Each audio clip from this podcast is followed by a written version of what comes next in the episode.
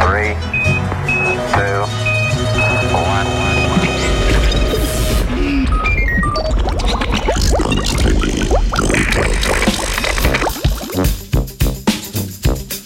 Skrivnostni organizmi pod Antarktiko. V znanstveni reviji Frontiers in Marine Science je bil nedavno objavljen članek o novo odkritih živalih pod ledeniki na Antarktiki. Raziskovalna skupina je skozi Filhnarjevo ledeno ploščo na Antarktiki zvrtala luknje z namenom vzorčenja sedimentov morskega dna in ob tem naletela na nenavadne organizme.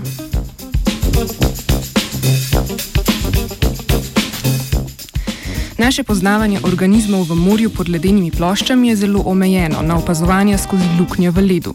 Trenutna teorija o podledeniških organizmih pravi, da se raznovrstnost organizmov sorazmerno manjša skupaj s hranili, ki so na voljo.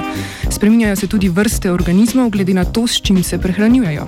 Višje, bliže površju vode se nahajajo pritrjeni organizmi, ki filtrirajo vodo in jedo v vodi suspendirane delce. Tam imajo namreč več virov hrane, saj se na površju zadržuje fitoplankton, ki ga v globi vodi ne najdemo zaradi pomankanja sončne svetlobe. Globlje pod vodo pa lahko najdemo samo še razkrojevalce in mobilne predatorje.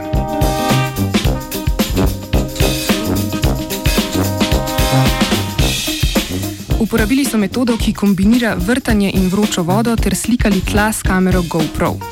Pri eni izmed lukenj so prišli do dna in poskusili oduzeti vzorec sedimenta, vendar so ob tem trčili ob skalo polno bintoških organizmov. Na njej je bilo veliko različnih vrst spužev in filamentoznih organizmov, ki jih zaradi slabe kakovosti fotografij niso znali sistemsko uvrstiti.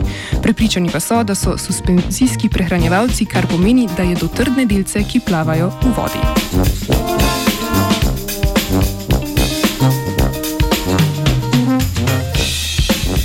Nepremičnih organizmov, ki filtrirajo vodo, tako globoko pod ledeniki prej še niso zasledili. Takšni organizmi se namreč raje zadržujejo ob močnih tokovih bližje površju, kjer je tudi več virov hrane. Ta združba pa se nahaja kar tisoč km stran od najbližjega vira fotosinteze, zato dejansko še vedno ne vemo, s čim se prehranjujejo najdeni organizmi ter kako močno na nje vpliva taljenje ledenikov. Očitno moramo morsko dno pod ledeniki še bolje spoznati, saj je prav to odkritje sprožilo mnoge dvome o teoriji o tamkajšnjih ekosistemih sistemih.